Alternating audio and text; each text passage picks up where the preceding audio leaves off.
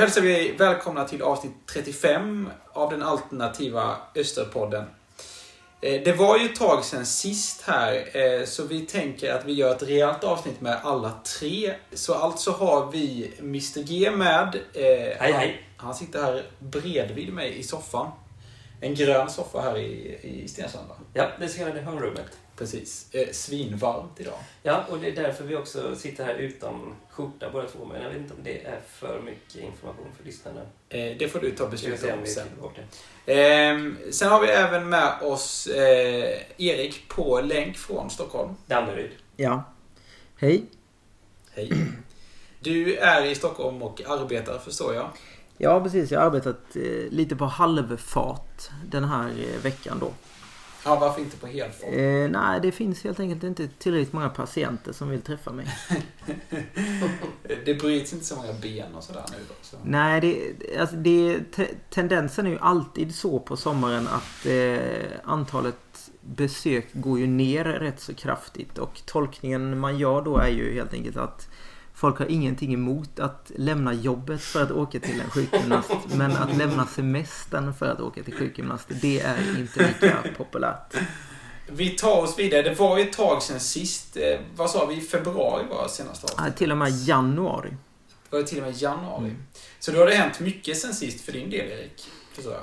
Ja, precis. Jag har ju då i dagarna här faktiskt bytt frisör. Ja, just det. Ja. Eh, och det är ju kanske inte så speciellt för alla, men för mig är det en ganska speciell upplevelse då eftersom jag bara har klippt mig på två ställen i hela mitt liv tidigare. Och ehm, men nu är det ju så då att den frisörska jag haft så väldigt länge i Tingsryd har ju då gått i pension här. Ja. Eh, Och det andra stället du har klippt dig på är ju bara en gång då. Just det, och då var ju du med där faktiskt Ja. i, i Las Vegas då för ett tiotal år sedan. Eh, men i alla fall så eh, fick jag ju då leta här med ljus och lykta efter en ny. Och jag, jag hittade den här precis jämte där vi bor faktiskt. Eh, så att jag var där nu i veckan då. Och det som var lite speciellt med det, det var ju det att vi hade liksom avtalat tid och sådär och jag kom och hon klippte mig. Men sen så när hon har klippt mig så säger hon Jag tar bara kontanter. Oj! Eh, och det är ju inget man har på sig nu för tiden. Eh, var- det svarta pengar? Fick du kvitto? Ja, jag ska komma till det lite där då. För att eh, då var det så att eh, då frågade jag, ja det har ju inte jag, hur ska vi lösa det här nu då? Ja, då sa, du, du får åka upp till Mörby centrum och ta ut, sa hon då. Och det, det är ju ett litet företag ändå. Så att eh, det fick jag göra och sen kom jag tillbaka en 30-40 minuter senare och lämnade över, över pengarna då och då fick jag ju ett kvitto. Så att svarta pengar är det ju inte tal om här. Utan det är väl helt enkelt bara eh, gammalmodighet på något sätt. Vad- En fråga här då. Tror du att du kommer att bli den här frisören lika trogen som den tidigare frisören? Ehm, nej. Eh, alltså jag, jag, jag tror att jag kommer nog klippa mig hos denna så länge jag bor här. Mm. Eh, men det, om jag liksom flyttar till Växjö så kommer det inte vara motsvarande då att, jag- att jag liksom åker upp hit för att klippa mig här då. Det kommer jag inte göra. Fin, finns frisörsalongen i Tingsryd kvar eller gick den i graven samtidigt som hon gick? Nej, den kommer ju gå i graven här nu då. Mm. Det var bara hon som klippte? Nej, det var, de var tre stycken här på slutet. Men eh, den, det var väl en annan som jag tror också var lite på väg in i pensionen. Och den, den sista där, eh, hon skulle väl jobba någon annanstans tror jag. Okej. Och då undrar jag så här, har det hänt något i Mr Gs liv eh, på senaste tiden? Ja, det är väl då att jag har eh, flyttat utomlands. Just det. Eh, Och ska bo här i, i Belgien Mm. ett litet tag framöver. Bland annat då eh, ganska nära eh, Rebecca Lefebvre. Bland annat känd från Duo det.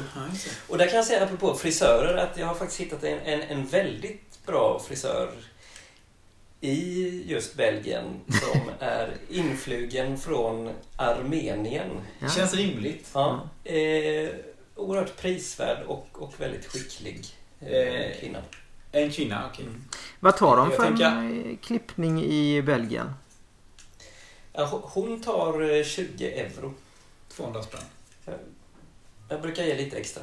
Kör du... ja, det är klart du gör det. Kör du cash eller är det, Nej, nej, det det är är, coolt? det är kort. Mm. Supervitt. Eh, Sen måste jag säga att det, det hände faktiskt också en lite tråkig sak under tiden som jag var borta. Och det var att jag hade inbrott i min, mitt källarförråd Ja, just det. Just det. på Södermalm. Erik fick rycka ut som någon slags detektiv där. Ja, Mm. han fick eh, gå dit och kolla lite hur det såg ut.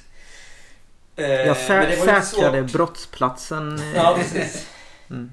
Det var lite svårt för dig att veta då vad som var borta och inte när du var där. Men det, det fick jag inventera då när jag kom tillbaks här för några veckor sedan. Mm. Och tyvärr så måste jag meddela att fotbollströjesamlingen har de lagt beslag på. Vi- Vilka mer exakt har de lagt beslag på? Fotbollströjorna då? Nej men det är nästan alla förutom den fotbollströjan som råkade vara här med sitt Özil nummer 11. Ja, vad hade du med? Du hade Frankrike. Jag hade Frankrike 98. Eh, om man ska tänka öster så hade jag Anders Blomqvist nummer 11. De tog alltså... Från... det, den är väl från, det är den Diadora-tröjan från 90? 98, 97 eller någonting sånt där? Ja, något sånt. Eh, och sen även en långärmad bortatröja nummer 26 Jaha, från den tiden. Just det. hade du det? Som jag tror faktiskt att, att en österspelare faktiskt har spelat i. Oj. även om jag inte riktigt... Hur kom du över den då? Jag vet inte, jag undrar om det var i samband med den här matchen i, i Ingelsta, uppvisningsmatchen där som de kanske sålde dem. Ja, och den, den har vi pratat om innan. Ja, den har vi pratat om innan. Men det, det är ju ändå lite intressant att de alltså valde då att stjäla Anders Blomqvist-tröjan. Mm. Och man undrar ju var finns den nu undrar man ju. Den är ju lite ovanlig och jag minns också att Anders Blomqvists föräldrar var väldigt eh, förtjusta i att jag hade den på mig och kom fram och snackade med mig eh, efter en östermatch. Ja. Så att, eh, den är nog ganska ovanlig. Och det gör ju att om det är någon som ser en sån tröja på stan eller, eller, eller vad det Eller kan vara. kanske på öster, en östermatch. E- Eller den här nummer 26 då. Ja. Diadora. Eh, Då får ni gärna höra av er till alternativaosterpodden at gmail.com va? Absolut.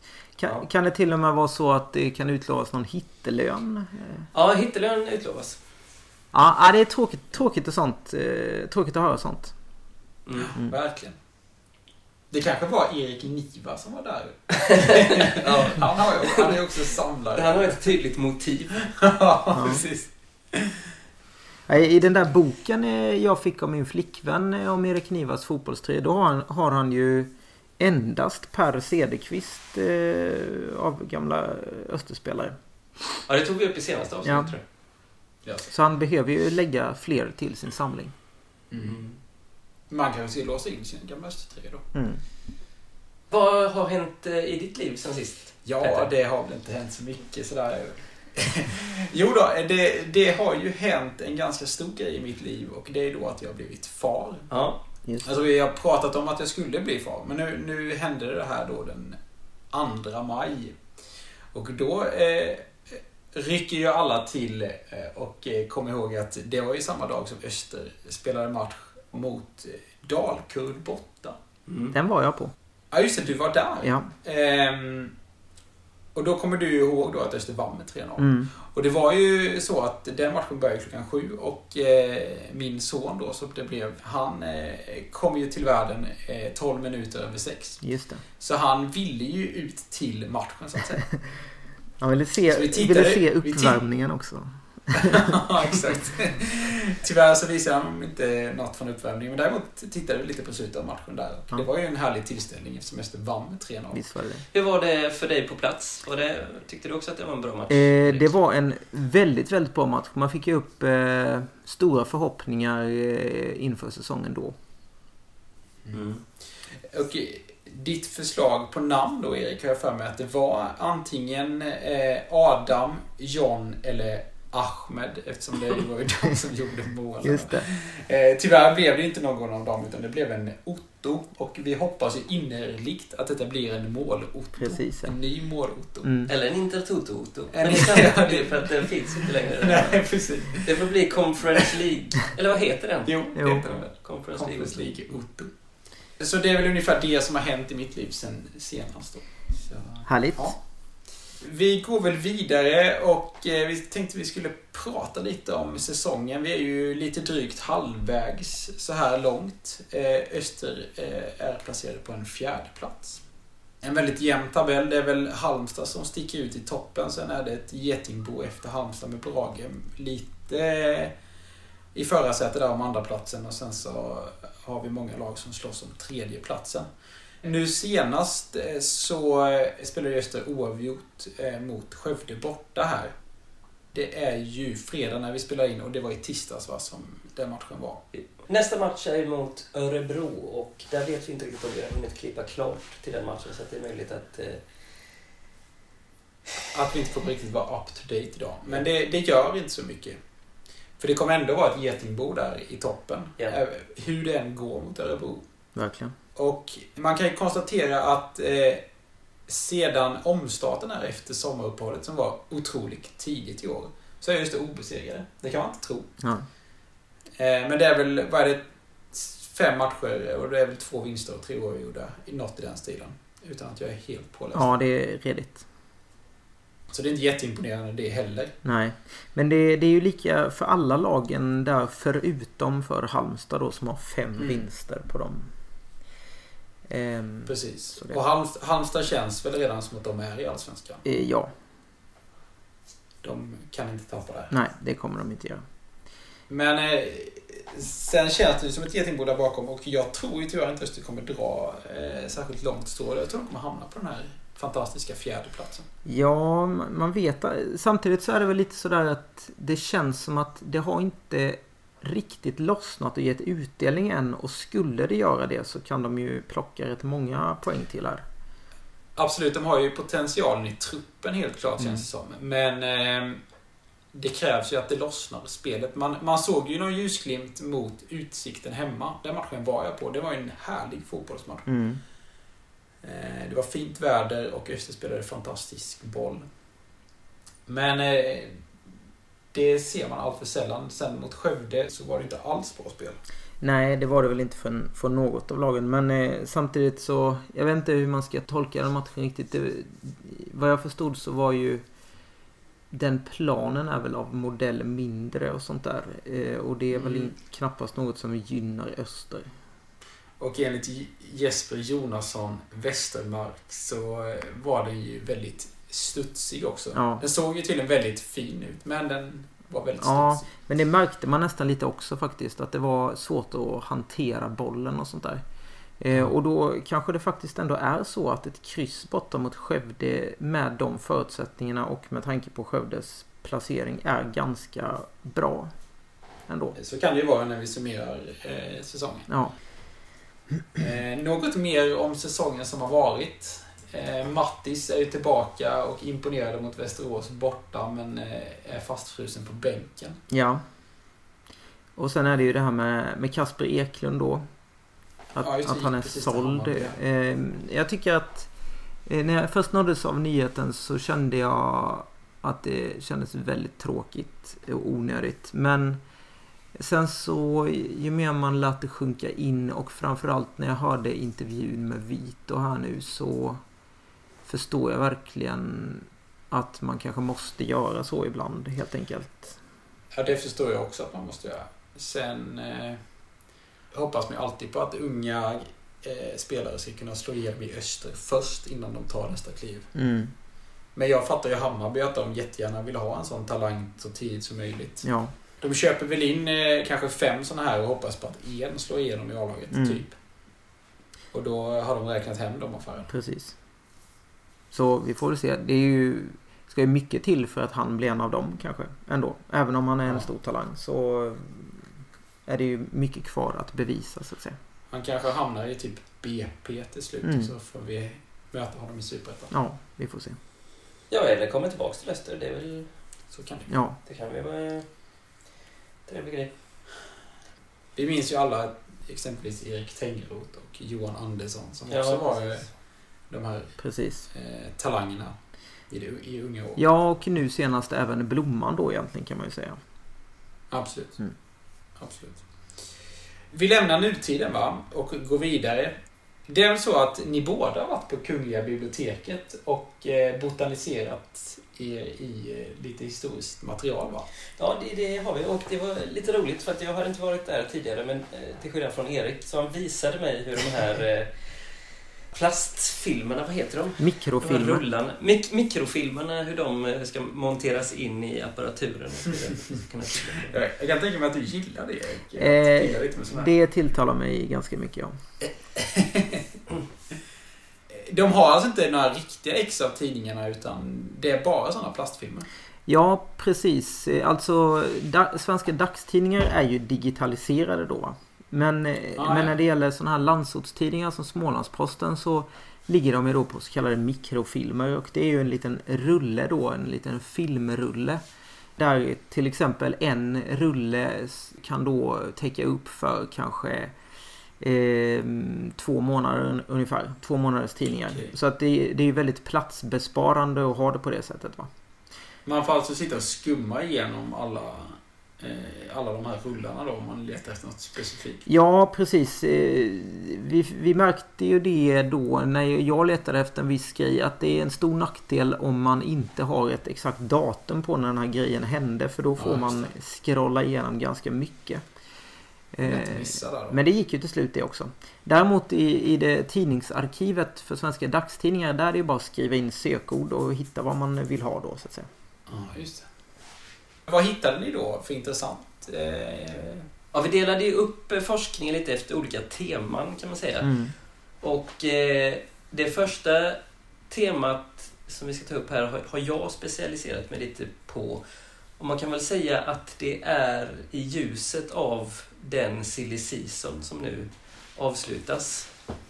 Och då skulle jag egentligen vilja spela upp lite ljud för er här. ja, spännande. Eh, som då ska bli en ledtråd till vad det kommer att handla om. Il Foggia si avvale nella circostanza dei piedi buoni di Zanchetta e dell'esplosione di Axeldal. Lo svedese è finalmente protagonista e induce al fallo Tudisco nell'azione del rigore apripista e sigla personalmente il raddoppio. Interessanti prospettive per i rossoneri pugliesi, No, no, noi rimaniamo coi piedi in terra, noi dobbiamo fare una salvezza, se possibile una salvezza tranquilla. Axeldal, Acel direi che ha lavorato molto, ha fatto molt- dato molto spazio ai centrocampisti, è un ragazzo interessante, un generoso, sicuramente farà il caso nostro. Och temat är då alltså den här fotbollsövergången som skedde 1996 i december med då Österspelaren Jonas Axeldal som gick till Foggia då i Serie B. Just det. Just. Intressant.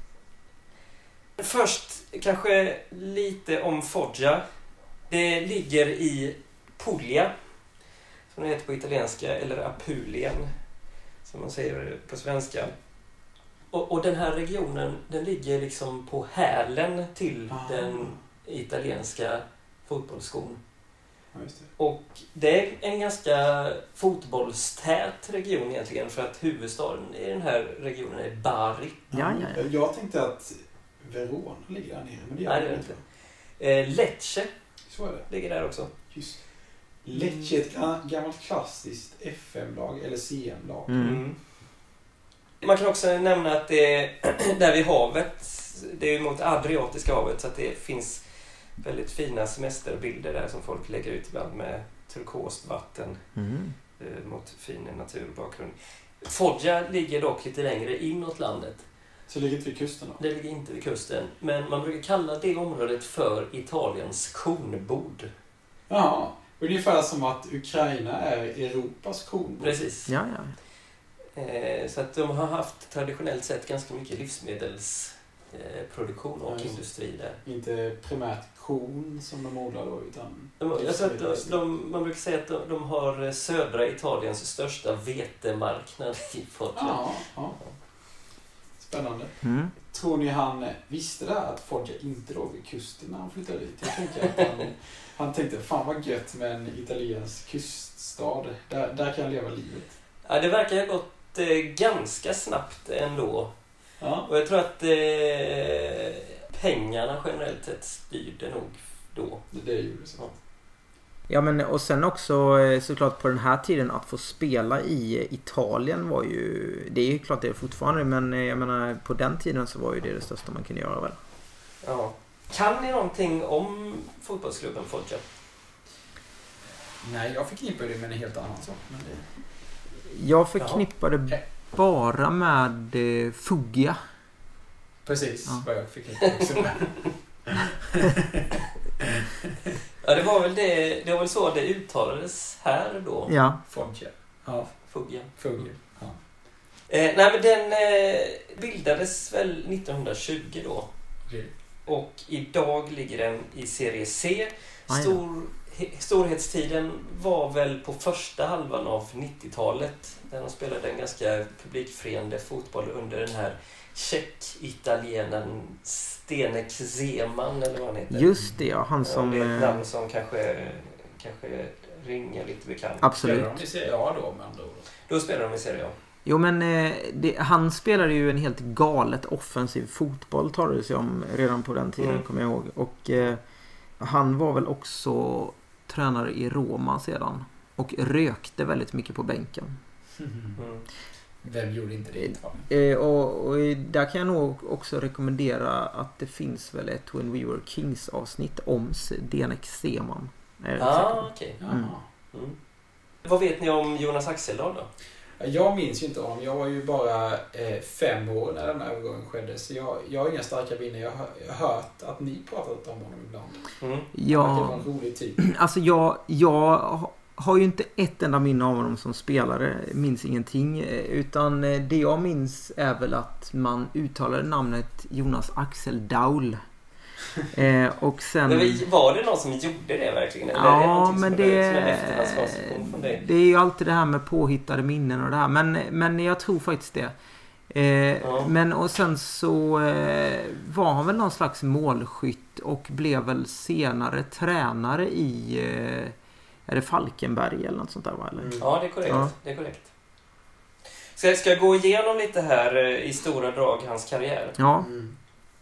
Född i Holm utanför Halmstad. Det är alltså en hallänning vi pratar om. Hans moderklubb är Veinge IF i Laholms kommun. Och då kommer det en liten, liten fråga på just Veinge IF. Vilken annan Österspelare i mer modern tid har Veinge IF som moderklubb? Joakim Wolff. Jajamän! Åh jävlar vad snyggt. Ja. Han var väl i Öster mellan 11 och 13 Ja. och någonting sånt där. Stabil. Han var ganska bra. Var med upp till Allsvenskan ju. Ja. Numera målvaktstränare i IFK Värnamo om jag förstår Jaha. saken rätt. Ja. Han, han avslutade väl karriären där tror jag. Mm. Ja, det gjorde han. Någonting säger mig att han har varit i Elfsborg också. Ja, Ja, så men- kan det vara. Men det, det kan jag ha fel. Eh, sen gick han då, Jonas Axeldahl, alltså till eh, HBK Halmstad. Redan som 17-åring så var han där 90 till 91.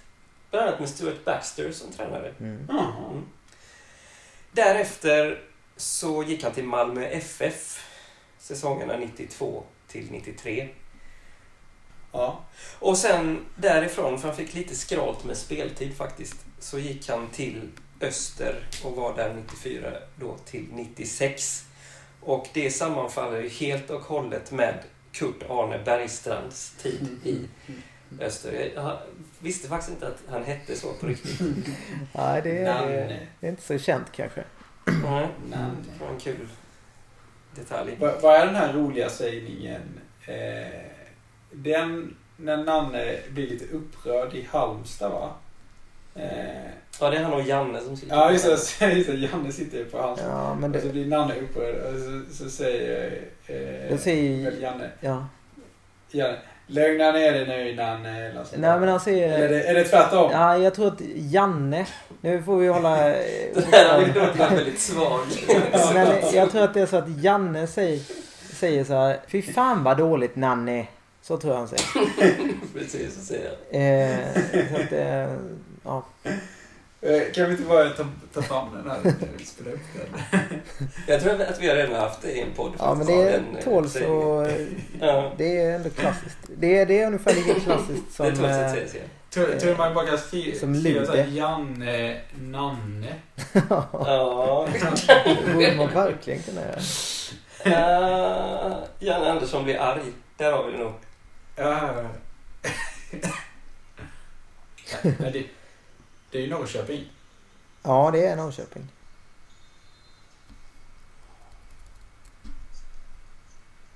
Oj.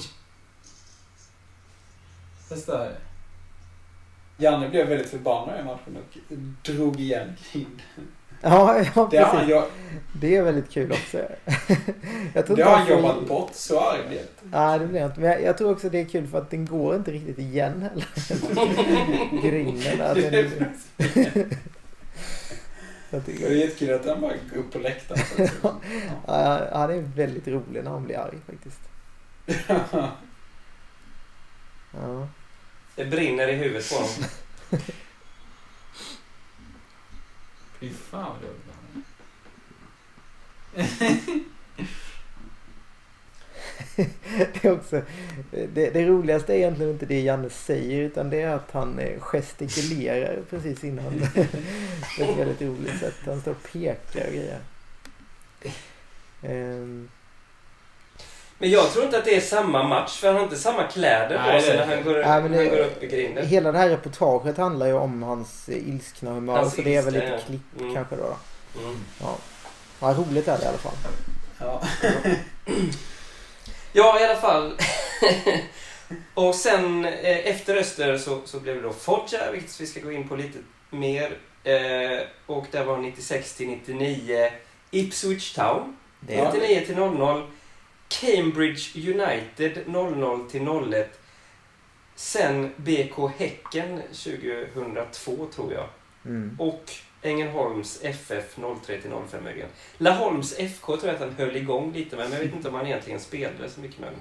Jag kan säga så här att om jag hade varit en professionell fotbollsspelare så är nog hans, liksom de klubbar han har representerat precis på den nivån jag hade velat ligga liksom. Alltså att Mhm. man, eh, man är liksom en bra fotbollsspelare och får vara i lite häftiga städer och sådär men, men man är liksom, man är ändå ganska liksom lite i skymundan sådär va. Ängelholm, hur häftig är Nej, just Ängelholm, men, men jag menar Foggia och Cambridge och Ipswich. Det är väl helt perfekt egentligen, är det inte det? Ja, det är sant. Jo. Ja. Sen är det så, som Erik var inne på här att han har haft tränaruppdrag och mest noterbart är då Falkenbergs FF som ASS-tränare i väldigt många år, 15 till 21. Och då var han ju assisterande tränare till sin gamla vapendragare i Östers anfall, Hans Eklund. De spelade ju tillsammans där. Eh, Men, men som spelare ska man inte heller glömma bort att han var med i OS-truppen för Sverige för Barcelona 1992. Ja, ja, ja, ja, ja. Med Och det Brolin. är en och så. turnering... Ja. Ja, precis. Det är en turnering som man inte riktigt eh, kommer ihåg. Eller den har inte riktigt eh, etsat sig fast i det kollektiva minnet i Sverige. Nej. Men det, Var det inte så att eh, eh, vår kära eh, kompispodd, eh, Snett inåt bakåt, tog upp detta i något avsnitt? Okej. jo, för de, de har ju ett helt avsnitt om OS i Barcelona 92. Eh. Men eh, det där laget är väl ett jävla bra lag, är det inte det? Ja, precis. Jag skrev ner lite spelare här. Ja. Eh, Thomas Brolin, då redan nämnde. Pascal Simpson. Ja. Eh, Österbekantingen Jesper Jansson. Ja. Johnny Rödlund, den evige talangen. Mm. Joakim Björklund. Anders Andersson. Mm. Eh, Patrik. Andersson. Eh, och säkert många fler. Ja. Eh, jag kan också säga att, att det var ju Spanien som vann då den här turneringen. Hemma. till- Eh, med både Luis Enrique och Pep Guardiola Just i det. laget. Just det. Ja. Mm. Och jag tror också att, att Jonas Axeldal spelar kanske inte så mycket i den här turneringen. Men han gjorde mål mot Israel i kvalet. Mm. Så det, Coolt. Nej, men jag blev ju intresserad av den här affären för att på något sätt så var det ju eh, den första proffsaffären man hörde talas om kanske. Mm. Mm. För att det var ju någonting som pratades om på byn att Jonas Axeldal då hade gått till Fugge. Ja. Ja, verkligen. Jag, jag håller verkligen med dig om det. Ehm, ja. Och eh, det verkar då som att den här nyheten kom i december då 1996. Och då hade han egentligen inte gjort eh, läkarundersökningen eller, eller varit nere. Utan, men då, det var ändå klart då ansågs det. Eh, och han hoppades då att han skulle kunna åka ner mellan jul och nyår eller strax efter nyår och skriva på. Hur var det, är det här före Bosman måste det vara va, eller? Ja, Det är det som är Det så intressant för att. Bosman kommer 1995. Ja, ja, ja. Mm. Så Öster var ju väldigt nöjda att de fick lite pengar för den här spelaren. Mm. Och det var väl i miljonklassen. Fan. Det var mycket pengar på Eh, den tiden. Ja. Det talades kanske om 2-3 miljoner totalt. Oj, jävlar. Men då skulle ju Malmö FF ha 30 procent av dem. Mm. Jaha. Och sen skulle ju också agenten ha lite pengar. Vem var, vem vem var agent? Det undrar man ju. Ja, eh, gissningar? Kan inte Eh, varit Martin, Martin Dahlin. Kan, är- Patrik Mörk eh, är ju agent åt alla människor. Men eh, vad fan, var han aktiv då? Ja, jag, ja, han, han är den enda agent jag kan idag som möjligen skulle kunna varit aktuell då. För jag menar de här Roger Ljung och Martin Dahlin och de, de, de var ju själva unga spelare då ju. Nej, det var Roger Ljung. Jaså? För det, det här var ju 96, så han kanske hade hunnit sluta efter 94. Ja. Var det hans första stora affär? Ja. Måste- han skulle också ha lite pengar. Ja. Den enigmatiska Roger Ljung, men som vi ändå har vet har varit intresserad av en pool en gång. Just det. Och sen jag eh, så... Det här minns inte jag. Jo, men han har ju varit hemma Ja, just det. hos, eh, Ja, just det. din, Ja, eh, ja, nu pool. Jag eh, lyssnade då återigen här på Snett inåt bakåts eh, eh, avsnitt om VM-krönikan 94. Där Roger Ljung ju såklart spelar en av huvudrollerna. Och då är det så att jag fastnade för ett citat där som en kommentator säger som jag inte har tänkt på så mycket innan. Eh, det är många andra citat man har tänkt på där men det här har jag inte tänkt på innan. Och det har jag tänkt på nu egentligen ja, men hela våren och hösten här. Och det, det är då att Bosse Hansson, när, när Roger Ljung gör mål där mot Kamerun, så säger han så här. Roger Ljung där borta dyker upp. Och det tycker jag är... eh, Det är jävla bra sagt faktiskt.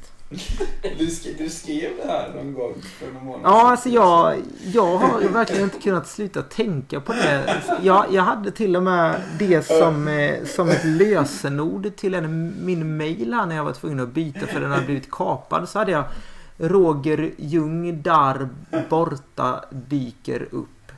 Eh, men sen blev den tyvärr kapad igen så då fick jag byta det igen då. Varför vill du åt din grej? Ja, jag har ingen aning. Jag har verkligen ingenting av intresse där men eh, ja. De hade knäckt det lösenordet. Uppenbarligen. Annars tyckte jag det var ett jäkla bra lösenord som måste vara helt omöjligt att knäcka men... Apropå eh, snett bakåt och Marcus Leifby så, så är det ju så att Älmhult ska möta eh, Häcken i Svenska cupen Oj. kvar. Jaha du. Och då ska ju eh, Marcus Leifby vara speaker. Jaha, Ah, ja. det hade jag ingen aning Det om. ska, det ska tydligen bli en jättehappening på Älmekulla. Jaha. Mm, ska du dit? Nej, det har jag inte tänkt. Nej. Det kanske är typ nästa helg eller något. Jag kommer inte ihåg. De eh, har lite fäbless för lag här nere. Jag kommer ihåg att jag var och tittade på Häcken Växjö BK här eh, för fem Jaha. år sedan eller någonting. Då spelade Alexander Fanerud i Häcken bland annat. då. De hoppades på att slå publikrekordet på 2 500 på Älmekulla. Mm. Det är väl inte omöjligt? Nej, absolut inte. Eh, men sen, sen ser man också lite här, eh, om vi återgår till Jonas Axeldal, att eh, när han skriver det här kontraktet så har han ändå bara fått tjänstledigt från sitt jobb i Växjö på eh, ett företag som heter Dotcom.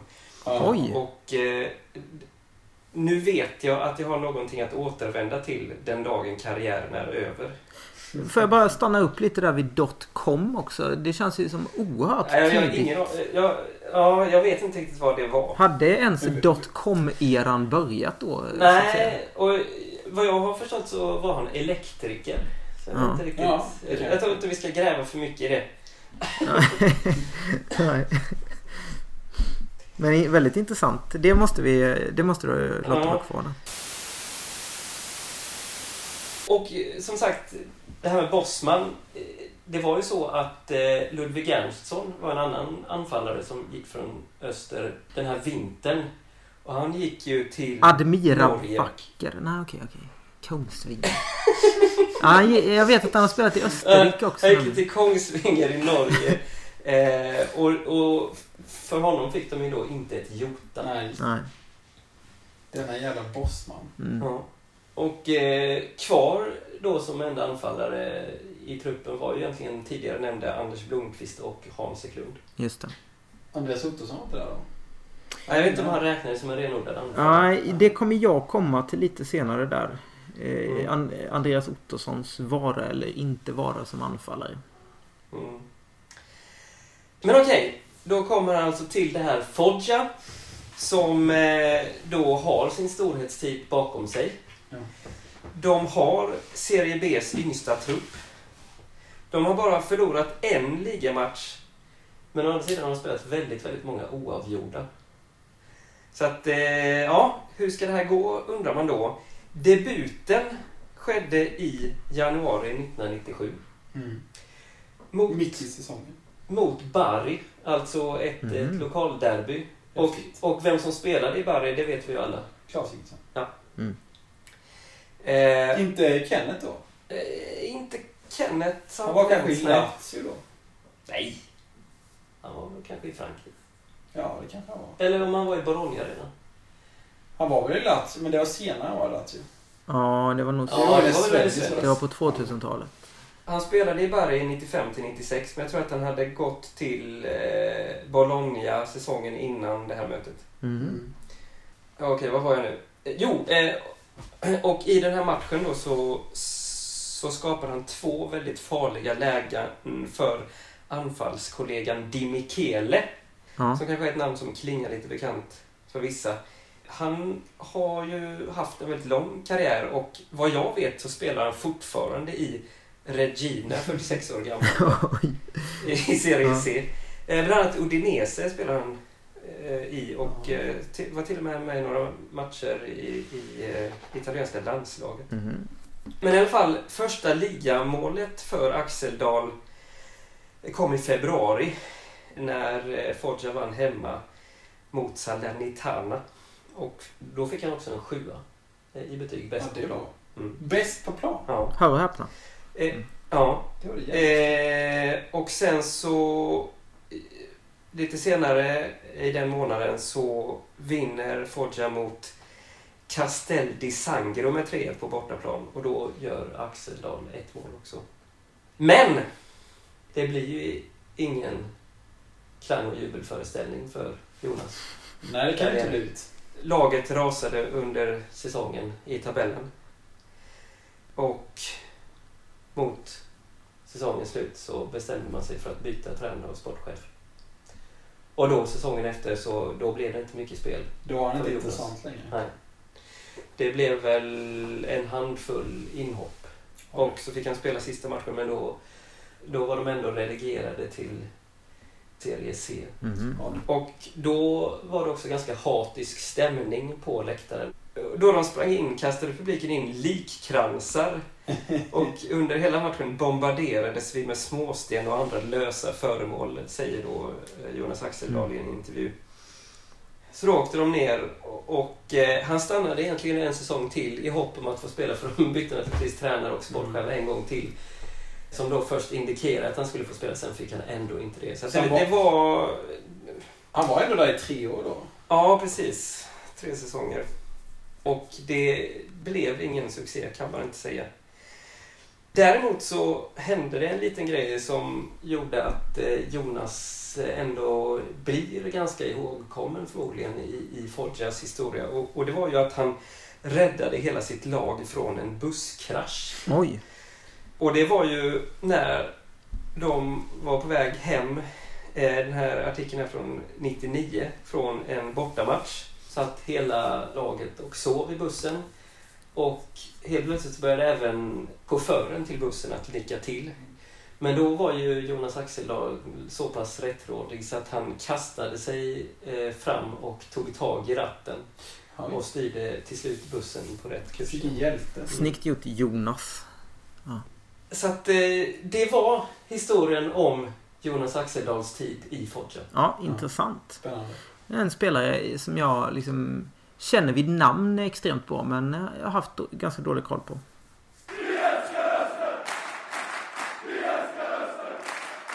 Vet ni vilken internationell fotbollscup som lockade Tommy Söderbergs intresse den 16 till 17 januari 1999? Eh, vad kan det Ja, vara? vad kan det vara? Jo, det var ju då Euro Accident Cup eh, 99 där. Eh, Mm. som spelades i Tipshallen då. Och eh, jag antar att ni har minnen från detta, eller? Ja, Jag har eh, vissa minnen, ja. Ja, Jag minns Jörgen Pettersson. precis. Det är ju en av spelarna man minns va? Och... Eh, eh, jag minns ett bortafölje från en tysk klubb som jag antar var Mönchengladbach. ja, det måste det ha varit då i så fall. Mm. Ja. Men eh, det var inte bara Tommy Söderberg som var intresserad av den här kuppen utan eh, i Smålandsposten kunde man även se en bild på en glad Erik Lundgren eh, Mm. och en herre vid namn Håkan Grön med två ö. Och de hade varit med och sålt tv-rättigheterna för den här kuppen till Eurosport. Ja, ja. Eh, Jag läste att de hade fem olika kameror som de, eh, precis. som de bevakade matcherna med. Det, det är mycket. Det är annat än dagens superetta. Ja, det är så att det, så. var, det var ett stort eh, uppbåd där alltså. Och eh, jag menar Eurosport var ju, det var ju sportkanalen som fanns i Europa då i princip va. Sen var det vet, ju... man, vet man hur mycket pengar de fick för det? Nej, det vet man tyvärr inte. Det kan ju också vara att Euro Accident eh, snodde åt sig hela kosingen där, det vet man inte. Men det var ju egentligen inte hela kuppen som var av intresse för Europas eh, tittare utan det var ju bara matchen då mellan Borussia Mönchengladbach och Ålborg som sändes. Ja. Ehm, Eh, Ska vi gå in på här då vad Euro Accident egentligen är?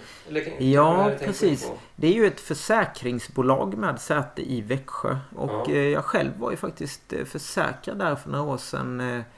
I, i, via mitt eh, egna företag då, så att säga. Mm. Eh, Det finns alltså kvar fortfarande Accident. ja, visst. Nöjd? Frågetecken. Ja. ja, ja. Alltså med Eh, Euro Accident? Eh, absolut. Eh, jag råkade ju på en eh, knäskada där så jag fick operera det och då var de eh, lite Mm. behjälpliga med både det ena och det andra där så att säga. Ja. Mm. Jaha. Till den här Euro Accident Cup i Tipshallen hade man ju verkligen fått ihop en fin samling lag. Eh, Kommer ni ihåg vilka det var där förutom Östers IF? Inter. Just det. Alltså Inter från Ja, Finland. precis. Ja, precis. Kanske ska tilläggas. Inter är väl från Åbo? Just Det, det. är ju- det stämmer.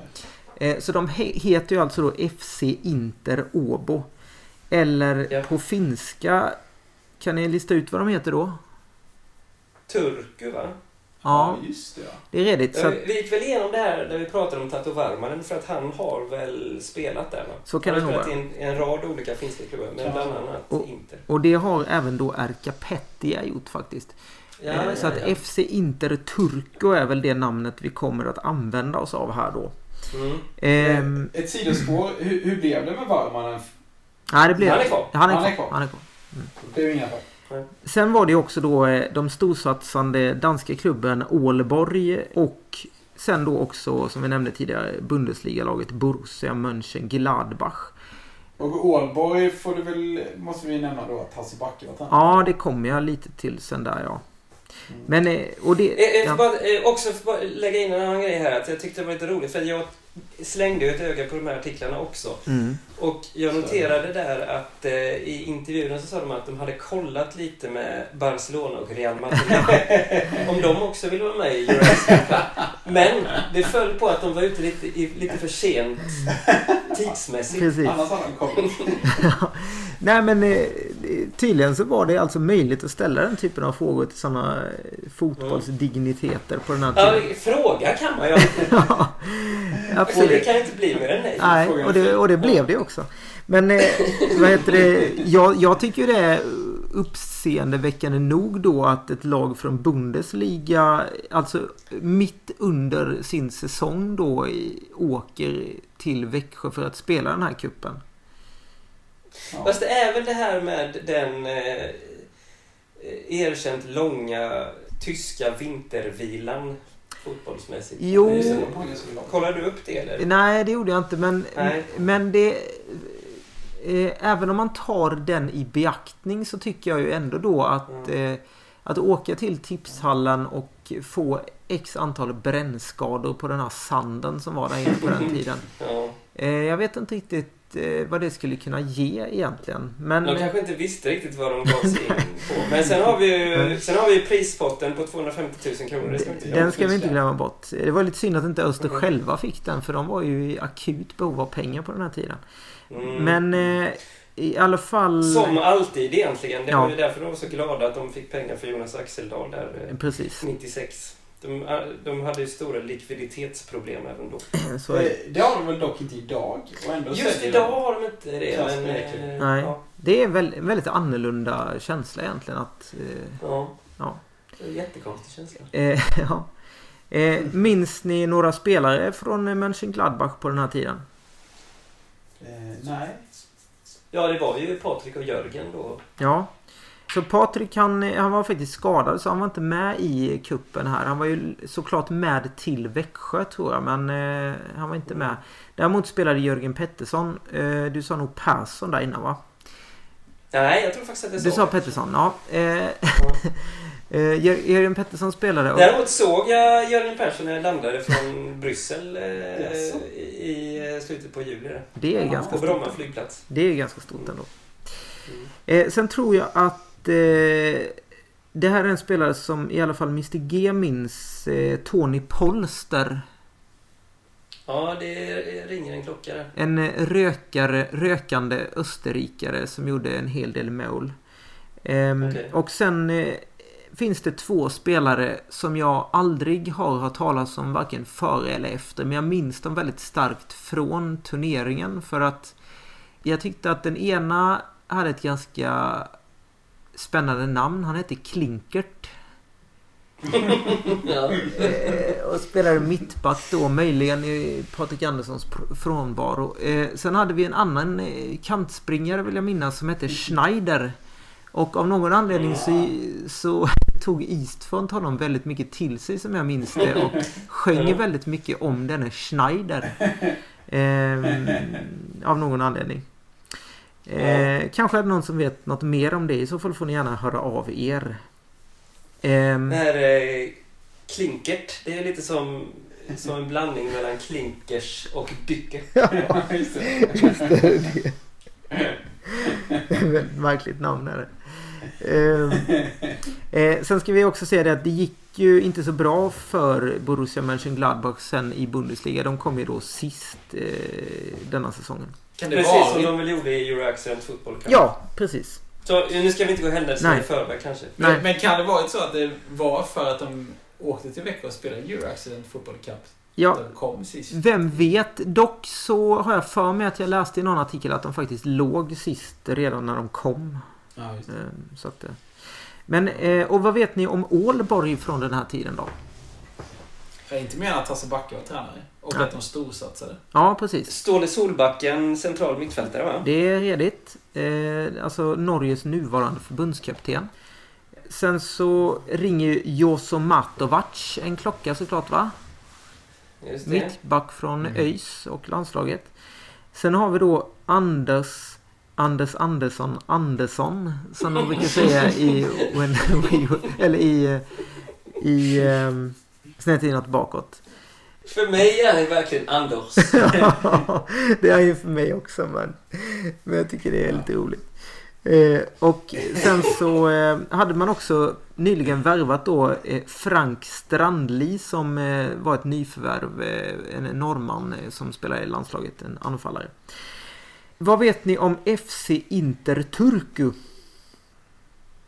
Det Inte stopp. mycket. Det fanns en spelare som jag faktiskt minns i det här laget eh, som hette Rickard Teberio. Eh, och jag kommer eh, ihåg honom här nu när jag läste på om att igen va. Eh, och det är alltså en svensk då. som eh, Ja. tidigare hade spelat i Västra Frölunda och Degerfors och eh, Kalmar bland annat. Han var även den första svensken att spela för FC Andorra. Kan nämnas då. Mm. Mm. Vidare om FC Turku. Det var då ett lag som eh, var lite en, en coming man inom det här kan man säga. Eh, därför att de ägdes av en man som hette Stefan Håkans. Ja. Mm. Det är de här eh, genitiv-essen som vi är så vana vid i Sverige men andra eh, länder använder ju de essen lite konstigt så att man tror att Håkans var då, tänker Eh, man. Exakt, det är lite märkligt där att man, att man tror att det ska komma någonting efter men det gör liksom inte det va. Eh, men i alla fall den här Stefan Håkans, eh, han var i alla fall en miljonär då som ägde inte mindre än 40 båtar. Och det var ju då inte vilka båtar som helst utan det var boxerbåtar och isbrytare som han då gjorde sig en förmögenhet på. Eh, Mm. och då köpte han den här klubben i division 3. Och så gick de rakt igenom seriesystemet och säsongen 99 så var man då nykomlingar i allfinskan. Och eh, vi kan också nämna då att eh, det verkar som att Erka Pettia han ingick på något sätt i truppen och fungerade också som någon slags kontaktperson när de då var här i Växjö. Så det stod i en artikel eh, någonting om att han kanske skulle ha spelat eh, någonting men vad jag kunde se så gjorde han inte det sen ändå. Nej. Kommer ni ihåg hur då Öster gick in i den här kuppen? De eh, var väl lite på nedgång. Ja, de hade väl Hade nyss åkt ut- åkt ur Precis.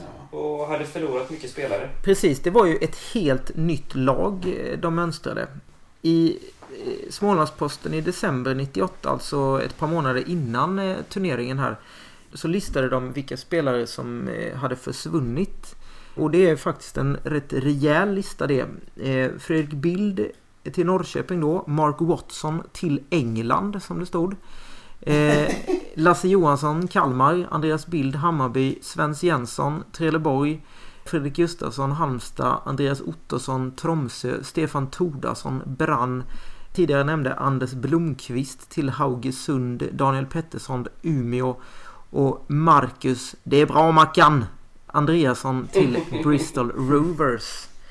Men sen var ändå tränare Lildamma hyfsat optimistisk. Han menade på att den här spelarflykten kanske snarare var av godo och en gyllene chans till omstart.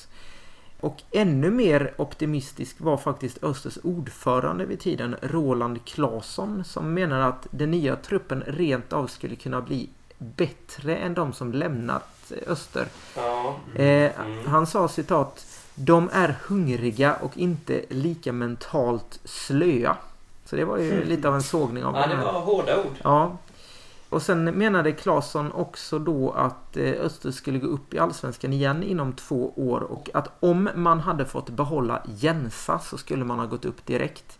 Och Jensa som åsyftas är ju då Jens Svens Jensson Svensson. Eh, som vi alla vet då. Vet ni någonting mer om Euro Accident Cup? Mer än hur det gick och sånt där? Ja, vad menar du att det finns att veta? Ehm, vad bestod pausunderhållningen av till exempel? Det, vet, det minns jag faktiskt inte.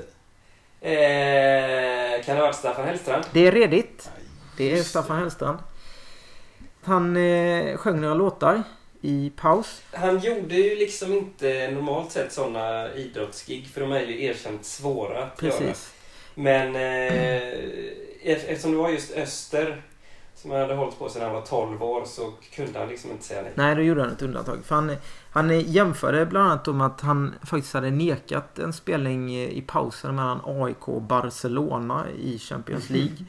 Eh, och då hade han blivit arsatt av gruppen Blond. Eh, som då hade blivit utbuade av 30 000 åskådare. För de ville ju titta på Ja. fotboll och inte höra något, Precis. någon, Ja. någon låt då så att säga. Eh, utöver det så var ju då pausunderhållningen att Magnus Samuelsson lyfter en bil. Jaha. Världens starkaste man. alltså. Ja. Exakt. Mm. Från Östergötland. Just det. Mm. Vunnit Let's Dance nu på senare år va? Ja, Jaha du. men det var ju, ja det måste vara en 15 år sedan nu va eller? Det, var han en av de som blev ihop med sin dansare? Ja, ah, det tror jag inte. Nej, det tror jag det inte. var Hur gick det då i kuppen? Kommer ni ihåg det? Öster vann ju inte i alla fall. Det gjorde ju eh, Hasse Backes Ålborg va? Ja, det är alldeles riktigt. Eh, Men däremot vann Öster mot eh, Borussia Mönchengladbach. Just det. Det är också alldeles riktigt. Det var ju så... Och förlorade mot Inter. Ja Ja men precis. Det var ju så att upplägget var att det var två semifinaler direkt. Så det var ju den här tv-sända matchen mellan Ålborg och Mönchengladbach. E, ena matchen där som Ålborg vann då. Och sen var det då Öster mot Inter och den matchen vann ju då Inter. Med 2-1. Jag tänkte bara jag kunde läsa upp laget i den matchen. Och det var då enligt formationen 5-3-2. Eh, Klas Gren i mål. Sen hade vi Kimmo Silvasti från Lagan. Niklas Persson, Christer Thor, Kristoffer Olofsson och Patrik Karlsson, senare Bojent. Eh, Det var då backlinjen. Sambaplutten. Ja. Sen hade vi tre mittfältare. Johan Gullqvist eh, från Åtvidaberg. Daniel De Stefano och PMS. Sen hade vi också två anfallare och det var då Tord Pettersson från Eneryda och eh, Patrik Isaksson. Hur var det med eh, Cedermarker? Fick han bara hoppa Jo, in? han, han fick hoppa in eh, och sen så var det ju så att till då den här tredje prismatchen mot Mönchengladbach så ändrade de ju laget en del.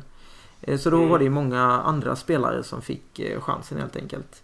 Mm. Och eh, det var ju då som sagt en match som Öster lyckades vinna med 3-2 efter förlängning då efter att Christian Davidsson eh, avgjort matchen. Mm. Det. Och finalen vann då Ålborg med 3-2 mot eh, FC Inter Turku. Också det efter förlängning. Var det inte så här att eh, Hasse Backe hade vunnit den här halvsvenskan innan? Jo, det är alldeles riktigt. Så att han är lite av en expert på att vinna cuper inomhus. Det får man säga. Undrar vad hemligheten är? Ja, Hemligheten är väl att han har en väldigt god kännedom om tipshallen till exempel. ja. Ja, Eller, men... när byggdes den? Byggdes den på hans tid? Fanns den på hans tid? Ja, det måste nog finnas. Eller var det tältet då kanske? Ja, det vågar jag inte säga. Frågan är om det det inte var osäkert. byggt. Det kan vi kolla upp. Det är ju lätt att kolla upp. eh. Det måste ju byggts på slutet på 80-talet va? Växjö tipshall byggdes 1989 som den andra av tre tipshallar tillsammans med Elmiahallen i Jönköping och Nordichallen i Sundsvall. Jaha. Men okej, och Backe var där eh, i början på 90-talet? Ja, va? så då ja, fanns ja. det. Mm. Mm. Ja, nej, men det var historien om Euro Accident Cup Härligt. 1999. Det, min, det minns man eh, tillbaka på med värme. Det var ju synd att, det inte, att den inte kom tillbaka. Ja, det kom väl i och för sig tillbaka vid minst ett tillfälle, kanske två. Men det blev liksom aldrig samma hype där. eh, För det, Nej, det var inte lika bra lag som andra. nej, precis. Eh, Så att ehm, sen dog det ju ut lite grann då, tyvärr. Mm, mm. Ja. Mm.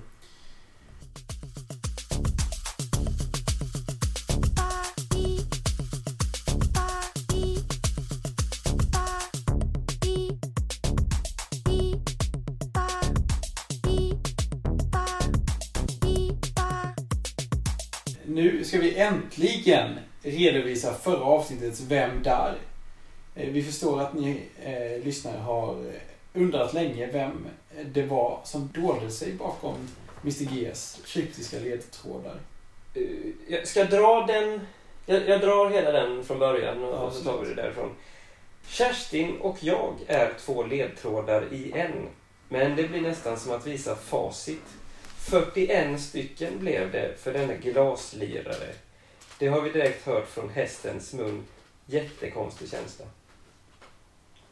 Och rätt svar ska ju då naturligtvis vara Andreas Ravelli. Ja, ja. Och då har vi ju eh, det här med Kerstin och jag. det är ju en ungdomsbok skriven av Astrid Lindgren som är utgiven 1945. Om tvillingarna Barbro och Kerstin. Mm. Och där har vi då, de, de två ledtrådarna här är ju då att eh, det rör sig om tvillingar. Och Vimmerby, att eh, det finns den här tydliga kopplingen till Vimmerby där bröderna Ravelli faktiskt föddes. Det var ju så att de eh, åkte omkring lite grann. Deras far var ju idrottsläkare kan man säga. Mm. Vilket gjorde att de senare åkte till Åtvidaberg Just det och, och så var han läkare där åt det framgångsrika fotbollslaget som var framgångsrika på grund av att de då blev sponsrade av Facit som då nämndes som ledtråd också. 41 stycken. Det är ju antalet herrlandskamper som Andreas Ravelli har gjort. Och sen så hade vi eh, några referenser på slutet till vad Andreas har gjort efter fotbollskarriären. Där han har arbetat med glas i form av exportchef vid Orrefors Kosta Boda och så var han också försäljningschef för Hästens sängar. Ja. Så Andreas Ravelli helt enkelt. Och eh, vem blev vinnaren här Erik? Då ska vi se. Det har ju då kommit in eh, ett korrekt svar. Och det är ju då Anton Svensson.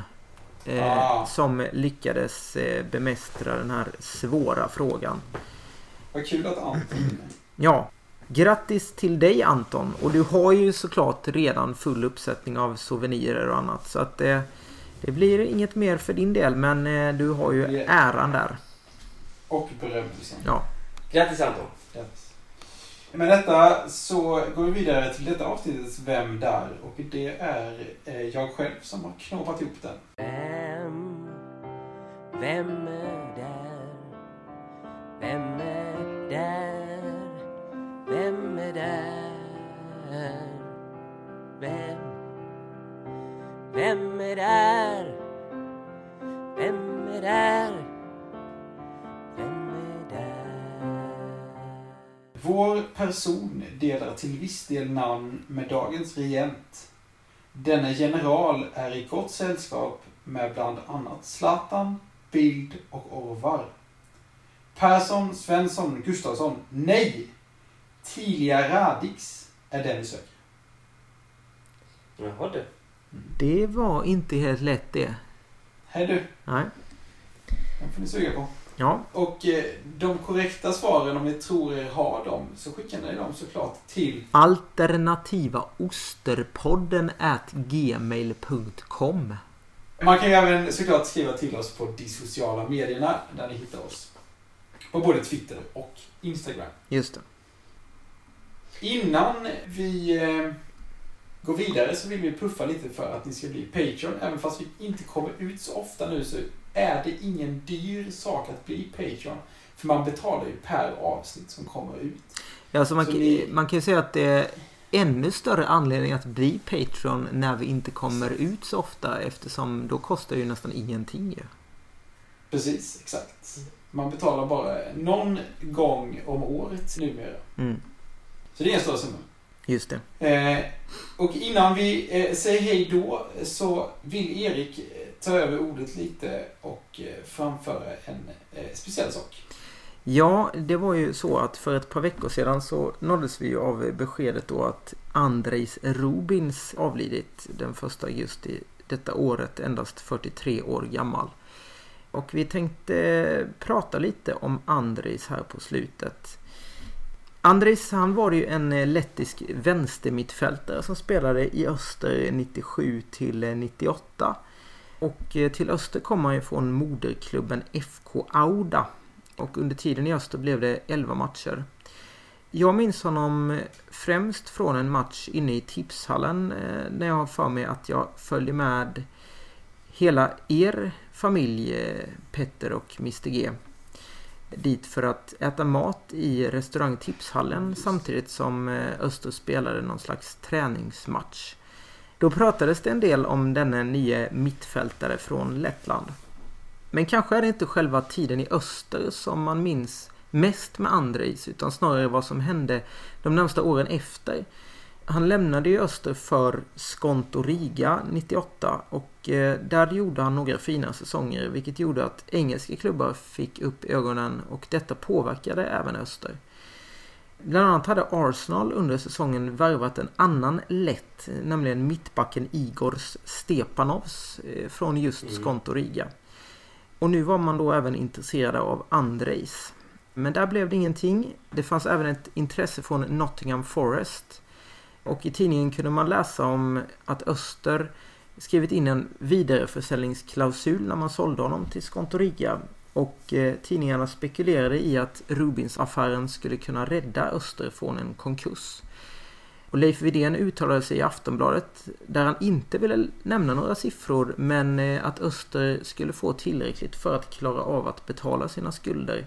Och artikeln kommenterade lite senare också att Östers skulder uppgick till 3,5 miljoner. Men till slut var det ändå Crystal Palace som landade affären och varvade Rubins år 2000. Det blev inga mål i Premier League men däremot blev han målskytt mot både Leicester och Liverpool i ligacupen. Sen blev det även hela 117 landskamper och med det är han den som har gjort näst flest landskamper i Lettland. Och han fick bland annat spela EM 2004 i Portugal. Och under den här tiden i början där på 2000-talet så mötte Sverige Lettland eh, vid några tillfällen och i kvalet till EM 2008 så tog Aftonbladet upp kampen mellan högerback Mikael Nilsson och Andris Rubins som en nyckel för Sverige att vinna matchen. Och då beskrev de Rubins som den enda spelaren på Lettlands mittfält som besitter sådana kvaliteter att Sverige bör se upp. Med detta så vill vi tacka för att ni lyssnade på detta avsnitt 35 av den alternativa Östpodden. Eh, så eh, får vi se när vi hörs, men det kommer vi göra någon gång.